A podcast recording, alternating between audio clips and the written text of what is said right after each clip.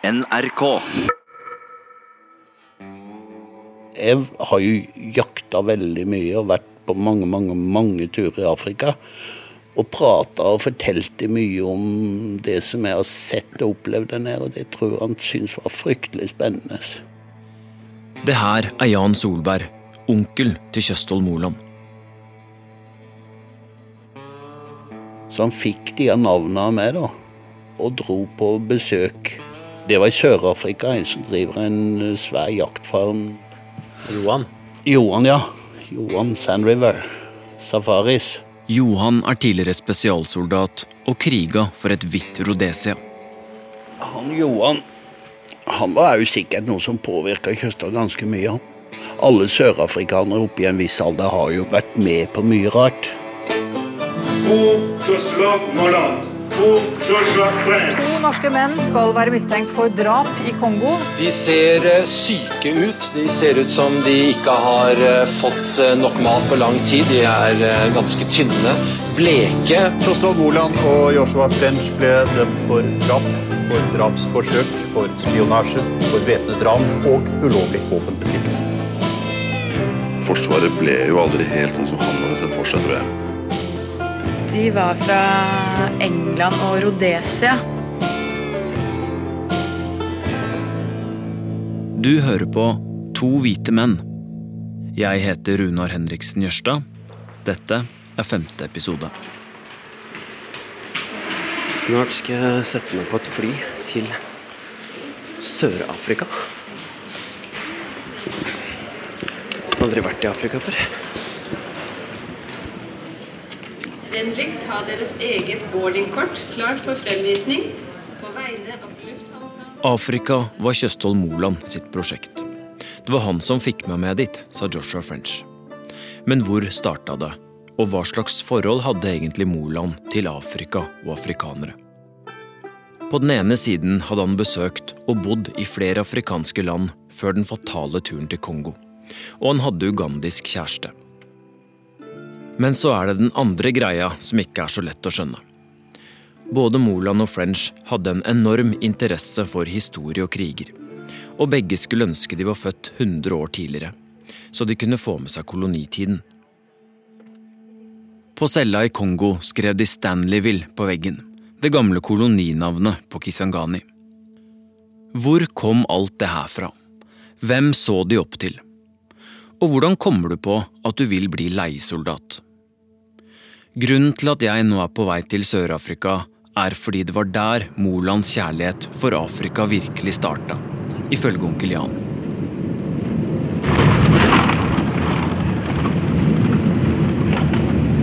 Da var vi hjemme i Sør-Afrika. Etter en noe hard landing. Meine Damen und Herren, herzlich willkommen in Johannesburg. Bitte bleiben Sie noch so lange angeschnallt, bis die Anschnallzeichen Nå venter en 50 mils kjøretur fra millionbyen Johannesburg og nordover mot lille Musina, som ligger inne i bushen helt oppe ved grensen til Zimbabwe.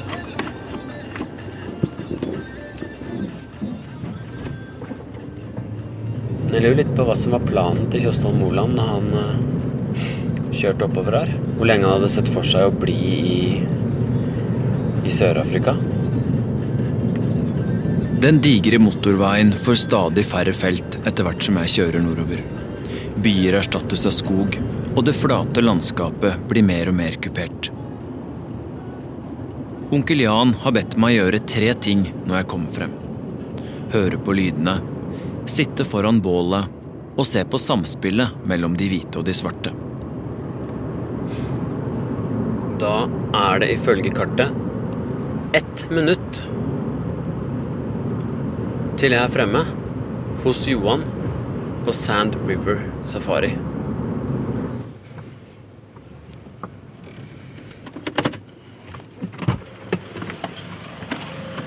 Hello! I'm good, thank you. Finally, how are you? Finally we meet. Yeah. Hello. Letitia? Runar, nice to meet you. What's your Oh, name?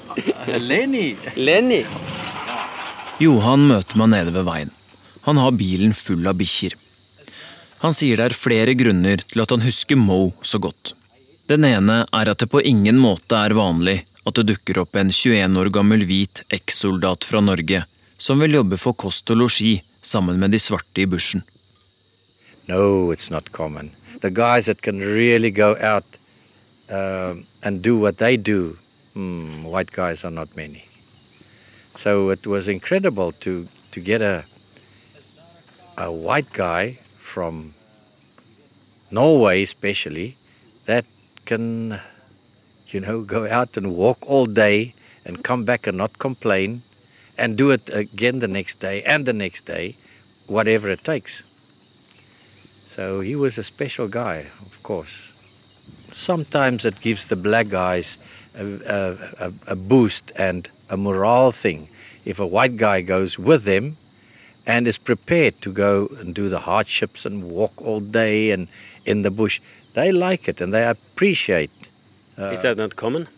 No, it's not common. Johan Wolfart driver fortsatt farmen som Moland dro for å jobbe på.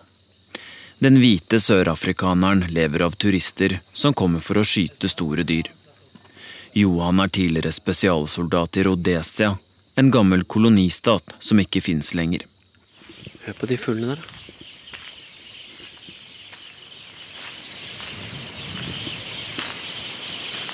Klin gule fugler som seg med ville reir som henger under trærne, eller grenene på trærne. Sikkert ti sånne reder per grein. Fantastisk. Jaktfarmen ligger oppe på en liten høyde. Mange små bygg i en liten sirkel. I den ene enden er det bar, svømmebasseng, bålplass og stoler. Der skal du sitte og nyte utsikten, som er helt enorm. Du kan se milevis utover det tørre landskapet, som overraskende nok er helt grønt. Dette er Johan sitt kongedømme. Og her jobba altså Kjøstholm Moland. Han så til dyrene og lette etter krypskyttere og snarer. How was your first impression of, of Mo? Uh, you know, it's a long time ago, but of course, I immediately, uh, uh you know, we were we bonded like some people. If you meet some somebody, you immediately bond and you feel like you've known this guy for a long time and we just got on so well. And uh, he fitted in and he helps us in camp and takes people out on game drives and stuff like that. And even hunting. And i mean the guy just loved the bush and enjoyed every minute in the bush. Det er ikke lett å beskrive Johan, eller rent fysisk er det det. Han har halvlangt, grått hår, i midten av 60-årene og kanskje rundt 1,70 høy. Klærne er grønne og beige. Men som type er det verre. En slags blanding av en snill bestefar og en hardbarka eksmilitær. Du vil skjønne hva jeg mener etter hvert. Johan sier Moland gjerne ville jobbe i bushen sammen med de svarte arbeiderne. Europeans, I think, are, are different to us South Africans, and he just blended in with the black. All the black guys would be his friend. All of them were his friends, and they had a high regard for him and respect. And he learned so much from them all the time. That's what he was. He just fascinated him to learn so much from the bush and from these people. Did he ever tell you what he felt in love with in uh, in Africa? Ah, many times. When he was still here, of course, Africa was his passion. I mean, he liked Africa so much. And it's the wildlife, it's the open air. What do you think you and Mo connected? It's weird. I've seen that happen many times in life that you'd just just connect with somebody. Maybe it's uh, the soldier background, maybe it's that. Sometimes it's that. You feel the other person, uh, and you know, I told him about the war in Rhodesia, and maybe it was that. Johan skal fortelle mer om krigen han var med på. Men først vil han vise meg museet sitt. Jeg aner ikke hva det inneholder, men tipper det har noe med jakt og våpen å gjøre. For how many years have you been hunting? All my life. Uh, I shot my first uh, three impala on one day when I was eight years old. Vi stopper utenfor et stort bygg. I've switched the alarm off. There's an alarm in here. Dørhåndtaket på den digre jerndøra er en elefanttann. Johan går inn og skrur på lyset i det som er hans helligste rom. Oh my god! Look at that wall.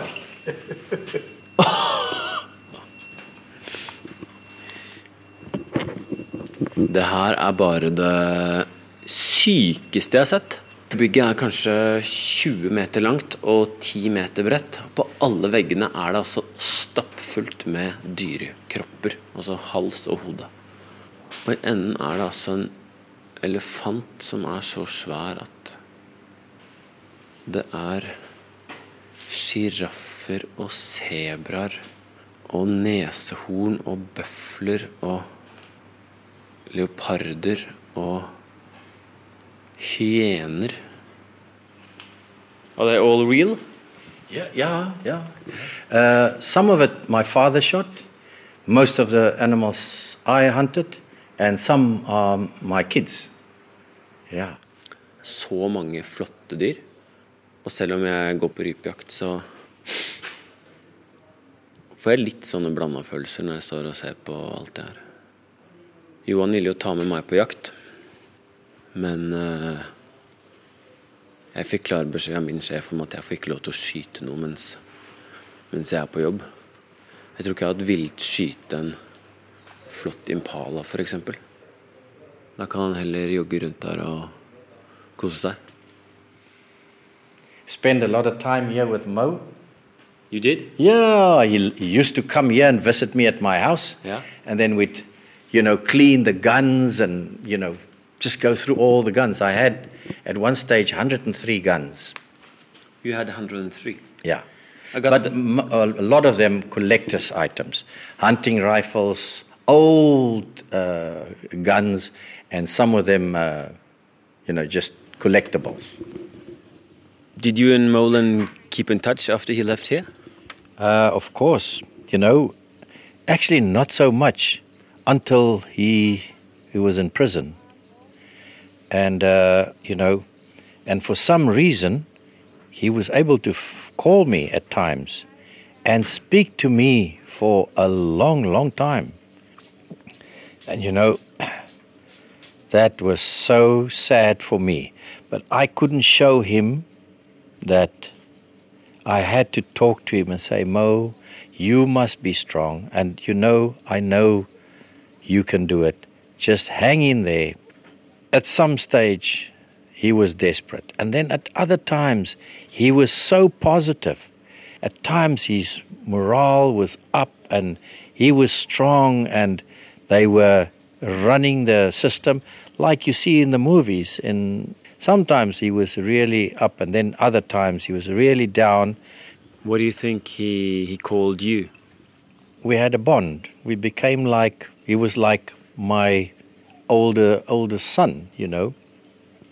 In a way, he looked up to me, and I liked him and appreciated what he did for me, you know, on the farm. And I mean, imagine a guy working for you, a loyal person to start off with, to get somebody loyal to work for you. You get lots of people that will work for you, but not everybody's so loyal. And to blend in with the black guys and just work like anything. And we, you know, we just became great friends. Johan sier Kjøsthold ble som hans eldste sønn, og at Kjøsthold så opp til han. Men hva slags fyr var det egentlig han så opp til? I bilen på vei tilbake til farmen spør jeg Johan om pistolen han har festet i et hylster rundt ankelen. Why do you wear a gun? Uh, for my own protection. Yeah. I think everybody should wear a gun. You know, I think there'll be a way, uh, maybe, maybe there's just a chance to protect your property or protect someone else. But if you don't have a gun, you can't. They can just take your car or maybe kill you or whatever, rob you, take your cell phone, but at least you have a chance if you have a gun. For meg virker det litt overdrevent å gå rundt med pistol. Og det rare er at det er bare de hvite på farmen hans som får lov til å bære våpen, ikke de svarte. Så Moland fikk ha med rifla, men ikke de han gikk sammen med på jobb i bushen. En av dem heter Freeman. Han skal jeg treffe i morgen. Tilbake på farmen begynner det å bli kveld, og jeg går inn i den lille stråhytta mi for å ta kvelden. Da blir det tydelig at jeg ikke er oppvokst i bushen, men kommer fra Hamar. Ok, det som skjer nå, er at uh, jeg er inne på rommet mitt, og jeg bor omtrent i en sånn stråhytte. Det første som skjedde, var at jeg fant en edderkopp som eh, satt på den ene lampa her, og den var egentlig en neve stor. Så kom jeg inn på badet, og der var det en nesten like stor edderkopp. Første edderkoppen klarte jeg å kverke. Den andre edderkoppen var veldig rask, og han har gjemt seg inni et hjørne. Bare prøver å finne den jævla edderkoppen. Den er borte. Der tror jeg jeg fikk den. Skal vi se Ja. Der har vi den.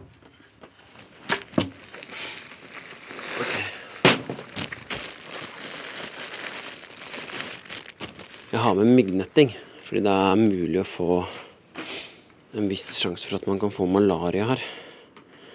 Er jeg ikke noe keen på å få besøk i senga, så jeg tror jeg bare tar og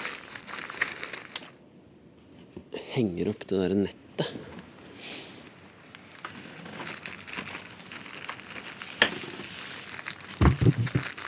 Så står jeg altså inne på rommet her med hodelykt. Faen.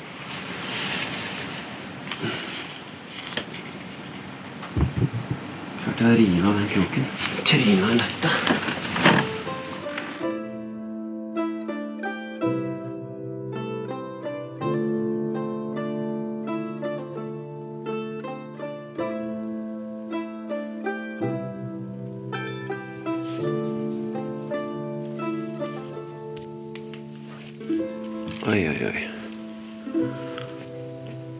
Full sommer ennå. Klokka er liksom halv åtte om morgenen. Good morning. Good morning. How are you? Good, thanks.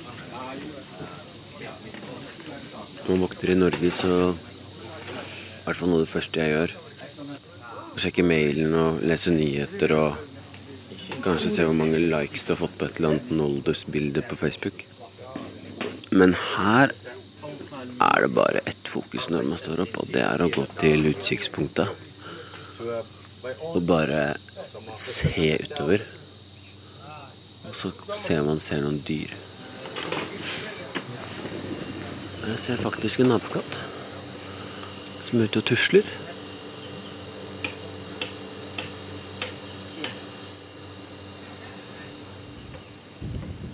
Men hvis eh, Moland var den skogens mann som folk også i Norge beskriver han som, så må jo det her ha vært et helt fantastisk sted å komme til. Og hvis man først får smaken på det livet her, så kan jeg forstå at det ikke er så veldig fristende å dra hjem til vinter og rush og stress.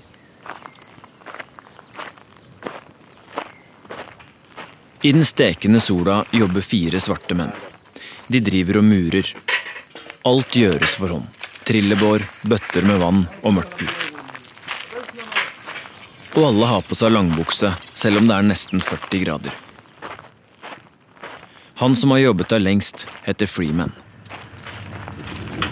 I'm Freeman Gibbon Sisiba. Yeah. Yeah. So I work here 23 years. Do you remember Mo? Yes, I still remember him because we work with him there by uh, Malala camp. Freeman er i midten av 50-årene og har tilbrakt nesten hele livet i bushen. Han jobber som anti-poacher, altså en som tar krypskyttere. Freeman begynner å lokke på krokodillene som bor ca. sju meter utenfor rommet mitt. Han plystrer på dem som om de skulle vært kosete katter. Come, guys. Freeman sier han fanga en av krokodillene for et par år siden. Slang den bak i bilen og tok den med opp til Johan. They listen to you. Yes, they're coming.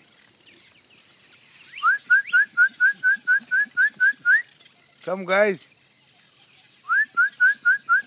Planen er å mate krokodillene. På menyen står noen avkappa apearmer som Freeman har stappa opp i ei bøtte. Det her er lyden av en krokodille som åpner kjeften og dytter innpå en arm. What is that sound, uh, Friedman? Is it, is it the jaws? Yeah. Det tar ca. 30 sekunder, så er måltidet over. To måneder til neste fòring. Men de høres fornøyde ut.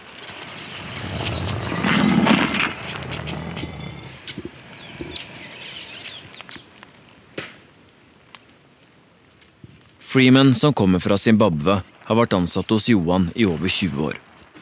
Han husker godt da Moland kom dit tidlig på 2000-tallet. De jobba sammen hver dag i et halvt år.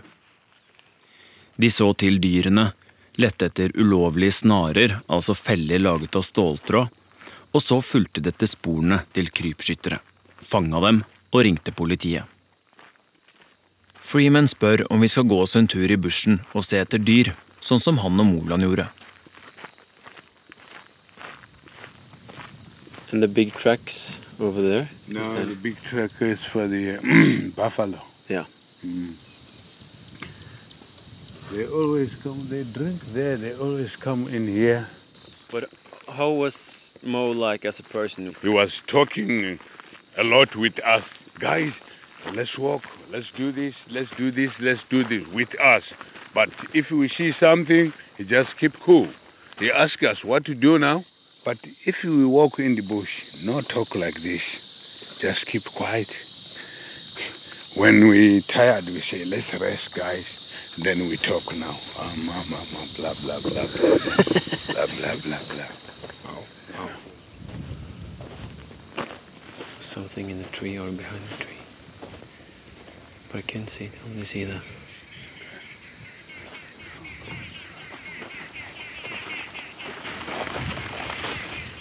You see it? You saw it? It was running. It was running behind us. It was running, running behind us. You see the back of it? Nesten løpte rett ned av en impala. Kom i en vanvittig fart.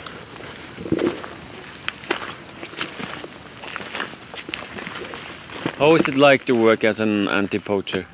It's very hard, my friend. Så her ute i bushen lå Moland og Freeman og sov under et tre hvis de var på spor av en krypskytter. De hadde kun med seg en halv liter vann, selv om det kan bli 40 grader i skyggen og jobben deres var å gå hele dagen. Drikker du for mye, blir du bare sulten, sier Freeman. Moland klaga visst aldri, han heller. Mo was a good guy. The 100% good guy. He was always, when we come back to the camp, we stay together. We talk this and that, and we laugh. We talk this. so many history, you know. You know, that was a free guy, you know. Akkurat som Kjøstol Moland har Freeman vært soldat. Men det var under ganske andre omstendigheter enn på befalsskolen i Harstad. Svarte Freeman kjempet for landet sitt under frigjøringskampen i Zimbabwe. Eller Rhodesia, som det hvite mindretallsstyret med Ian Smith i bresjen kalte det. We are fighting to win Zimbabwe because at that time the law in Zimbabwe was not good.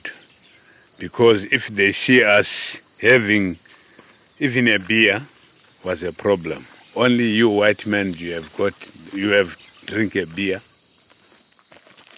Kun de hvite fikk lov til å drikke øl, sier Freeman om hvordan det var da han vokste opp i Zimbabwe.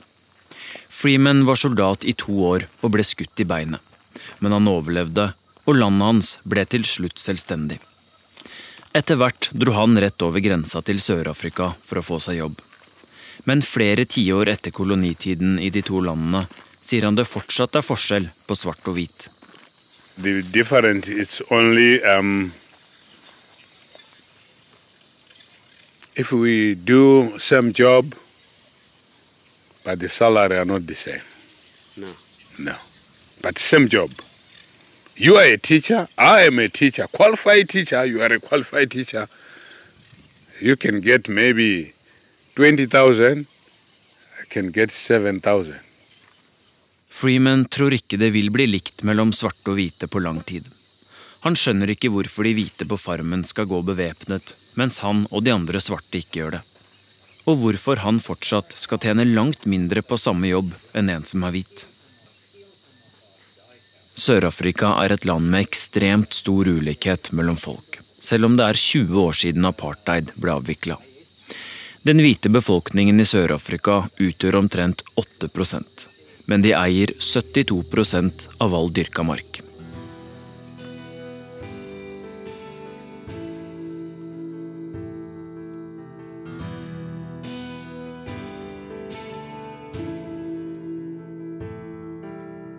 Jeg tenker på det Freeman fortalte, om da han var med i krigen og kjempet for et fritt Zimbabwe. Det som nå går opp for meg, var at Johan kjempet på motsatt side. Freeman fortalte meg at han ble skutt i beinet under kampene. Johan har sett arret. I asked him who shot him, and uh, he said, How would he know? Maybe it was me. And that was a, joke, of course. Did you tell these stories to Molan as well? Of course, we shared a lot of stories, and he liked to to listen about you know the old special forces days in Rhodesia and the war, and of course all the hunting stories. Do you think he was dreaming about being a mercenary? I think he liked the idea, definitely, yeah. Johan sier familien hans stammer fra Tyskland, men at den har holdt til sørøst i Afrika siden 1700-tallet. Mitt opphold i Sør-Afrika går mot slutten. Mens vi kjører gjennom den lille byen Musina like ved grensen til Zimbabwe, spør jeg hva slags type soldat han egentlig har vært. Johan forteller at faren hans kjøpte en farm i nabolandet Rhodesia på slutten av 1960-tallet. Johan søkte og ble tatt opp i spesialstyrkene. Der var det mange utlendinger. People from all over the world, like uh, Foreign Legion, Americans, uh, you know, what do you call them? Um, soldiers of fortune. Our major was Major John Murphy, was American uh, mercenary, so on. What was it like? Well, fantastic. So who did you fight against? The terrorists that infiltrated Rhodesia then from uh, they were trained and uh, by Russia and China and funded by Russia and China. So how many people have you killed, do you think? Well, I don't know. You know, in, in war, you don't really know how many people you kill. I know a lot of uh, our people also got killed, but obviously more terrorists were killed. Much, much more. But how is it like killing a man? Well, I mean, it, it obviously gave you satisfaction because you've witnessed a lot of other people killed, and they would kill a thousand of their own people a month just to intimidate their own people, you know? And they beat them up, and that's just killed people, not the ones who were wounded and hurt. And, oh no, black people are barbaric. Uh, they can do. Så kommer Johan med uttalelser om svarte mennesker som sjokkerer meg. Før han gir uttrykk for at det er leit at de hvite tapte kampen om makta i Rhodesia, dagens Zimbabwe. But you know, the politics caught up with us.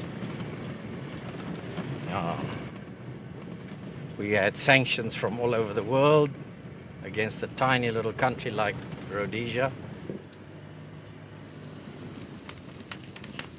Den siste kvelden i Sør-Afrika gjør jeg som onkel Jan ba meg om. Jeg setter meg og ser på bålet, eller Bush TV som de kaller det, og hører på froskene. Jeg skjønner hvorfor Kjøstholm Moland likte seg her. Tett på den ville naturen, ingen klokke og få regler. Samtidig har jeg blitt vitne til en forskjell på svart og hvit jeg ikke visste eksisterte på denne måten lenger. Goodbye, Freeman. Been really Kuda, nice kuda. meeting you. Kuda. Kuda, yeah. Kuda. bye bye. Bye bye. Etter å ha sagt ha det neste morgen, setter jeg meg i bilen og kjører tilbake mot Johannesburg. Jeg ringer Tom Christiansen, tidligere Afrikakorrespondent for NRK. Han må forklare meg mer om hva slags krig Johan deltok i, og hva slags land Rhodesia egentlig var. Rhodesia var et eh, afrikansk kongerike. Men så kom eh, Cecil John Rhodes, den store imperiebyggeren, som på vegne av dronning Victoria ville skape et rike som strakte seg fra Kapp til Kairo gjennom hele Afrika. Han lurte kong Monomatapa i det som eh, var Zimbabwe-riket. Eh, Det førte til at hvite settlere kunne overta den beste jorda, og dermed skapte han en, et land som han kalte opp etter seg selv, Rhodesia, og som siden ble til Zimbabwe, og som det er i, i, i dag. Men det ble basert på at den svarte mann mista jorda, at den hvite mann forsynte seg og skapte et rike for seg i Afrika, bygget på, på ren rasisme. Og slik eh, var det helt til eh, frigjøringen kom i 1980. Men Johan, som jeg intervjuet i Sør-Afrika, sa at han kjempet mot kommunistene i Rhodesia. Har han et poeng der, eller? Han har det samme poeng som eh, regimet, apartheid-regimet i Sør-Afrika hadde. De sa også at de kjempet mot kommunistene. Eh, på den tiden ble opprørsbevegelsen for de svarte støttet av Sovjetunionen. Og på den måten kan du si at de hadde ideologisk sett fått støtte fra et sted i verden som eh, ble sett på som kommunister, og som var kommunister. Men de som kjempet i Rhodesia, og som kjempet i Sør-Afrika, de var jo ikke først og fremst kommunister. Frihetskjempere. De ville ha sitt eget land. Det var det de ville. Kampen for eget land og frigjøring fra koloniherrene ble kjempet i en rekke afrikanske land. Jeg skjønner Moland og French sin fascinasjon for Afrika, men jeg klarer ikke å forstå fascinasjonen for den brutale kolonitida. Flere, bl.a. Joshua French, sier Moland leste om og ble fascinert av Ian Smith, mannen som ledet det hvite mindretallsstyret i Rhodesia. I Sør-Afrika møtte altså Moland den hvite spesialsoldaten, som snakket om kolonitiden som en vidunderlig tid. Joshua French sier både han og Moland, eller Mike som han kaller han, var fascinert av hvite leiesoldater fra den tida. Derfor må jeg spørre French om hva denne interessen for disse personene egentlig går ut på. Kjøstov hadde en tendens til å se opp til folk og liksom la seg påvirke. Da. Ja. Så, men han, han, var, han tilegnet seg ofte mannlige forbilder. Da. Han forteller at en av bøkene Moland leste på cella, var skrevet av en kjent leiesoldat. Det er en bok eh, skrevet av eh, Mike Weir, som var blant lederne av eh, det som var eh, leiesoldat-operasjonene i Kongo på midten av 60-tallet. Eller Mad Mike, som han også ble kalt. I 1960 frigjorde Kongo seg fra sin koloniherre Belgia. Mad Mike var en britisk ekssoldat som skrøt av at han og mennene hans hadde drept mellom 5 og 10 000 kongolesiske rebeller. Å drepe kommunister er som å drepe skadedyr. Å drepe afrikanske nasjonalister er som å drepe dyr, skal han ha sagt. Mad Mike ble et slags symbol på den hvite leiesoldaten. Både Moland og French snakket om at de gjerne skulle vært med på det som skjedde i Kongo på 60-tallet. Jeg skulle ønske jeg var med på det. Jeg skulle ønske jeg var født uh, 75-100 år tidligere og så kunne vært med på den. Da måtte du kanskje drept en del folk, da? Det er, det er jo ikke noe jeg tenker på når jeg sier det, at jeg gjerne skulle vært med på det. Så tenker jeg jo ikke på det. Jeg tenker bare på eventyret, virkelig. Altså få være med på sånne historiske begivenheter. Det er det her jeg ikke skjønner. Denne utrolige romantiseringen av kolonitida. En tid med et ekstremt maktmisbruk fra europeiske kolonimakter mot innfødte i ulike afrikanske land, og blodige frigjøringskamper. Hva er det med den tiden som du identifiserer deg med? da? Jeg vil ikke si at jeg identifiserer meg med den. Jeg, jeg syns det er fascinerende å lese om tiden. Og man ser jo mange av restene av den tiden i Afrika i dag. Så jeg syns jo Afrika i dag også er like fascinerende, minst. Eh, absolutt. Men mener du kolonitiden var riktig og viktig? Den var viktig og riktig, absolutt. Jo, Afrika lå jo etter eh, de andre kontinentene og måtte bringes frem eh, infrastrukturelt og systematisk i sivilisasjonen. Eh, og enten var det jo araberne som skulle gjøre det, det var jo på tiden med det ottomanske riket. Eller så var det Vesten som gjorde det. Og det de gjorde, var jo å bygge opp kontinentet med infrastruktur og lover og regelverk fra å være helt tilbakestående. Men de tok jo også alle naturressursene og landområdene og, og sendte de lokale som slaver. Det har, det har jo selvfølgelig eh, episoder av også. Men eh, generelt så ble jo Afrika rusha fram i tid. Fra 1890-1880-åra fram til 1950-60-tallet, når de ble sluppet fri fra kolonimaktene. Hva slags syn har du på afrikanere? Jeg liker afrikanere veldig godt. så Jeg skulle gjerne dratt tilbake til Afrika igjen, men ikke noe med det første. men Tror du noen har oppfatta dere som rasister? Ja, mange som har oppfatta oss som rasister. Og det er vi jo ikke. Kjøstov drev jo sikkerhetsselskap i Afrika sammen med Ugander og var jo nærmest gift med Jamila. Og de var jo sammen i flere år. Mm. Så han var ikke rasist, og jeg er ikke rasist.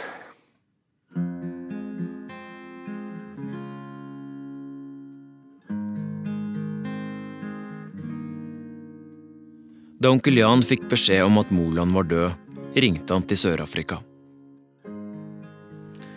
Det ringte til når Kjøstvold, eh, når eh, døde, og jeg fikk beskjed om det. Da ringte jeg til Johan, det var den første jeg ringte til, og, og sa ifra. og Da ble det helt stille. så da, da måtte, han ringe, måtte han ringe på igjen etterpå. Mm. Jeg tror de hadde hatt noe fryktelig fin tid der nede. Men samtidig så har jo Johan en del holdninger som man ikke møter her i Norge. Bl.a. synet på forskjellen mellom svart og hvit. og Det ligger jo mye der som overrasker en enkel mann fra Hamar når han kommer ned til Sør-Afrika. Hvordan tror du det påvirka Kjostholm?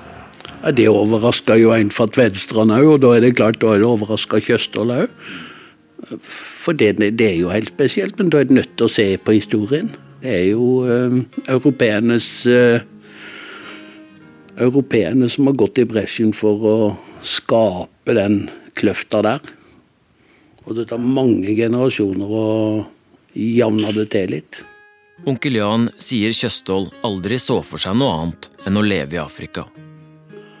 Alle lurte jo på hva han skulle bli. Jeg lurte vel egentlig ikke på det, for jeg tror han, han var blitt sånn han kom til å bli. Hadde han blitt 60 år, så tror jeg han hadde blitt det i Afrika. Jeg tror det var sånn han var, så var, da hadde han funnet seg sjøl. Det var det han ville.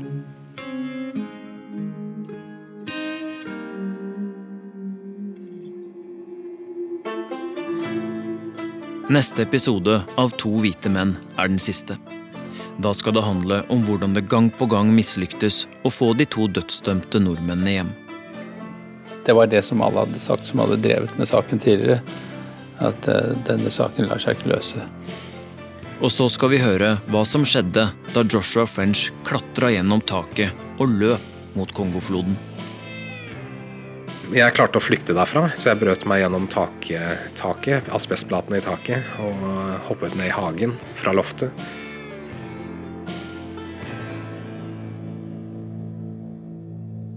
Denne episoden av To hvite menn er laget av Irina Kjelle, Lillian Grønning og Runar Henriksen Jørstad. Takk også til kollega Tom Christiansen. Musikken er komponert av Jane Kelly og Sindre Hotvedt. Redaksjonssjef er Arve Bartnes. Redaktør er Marius Tetli. Neste episode kommer tirsdag 10. april. Vi høres da.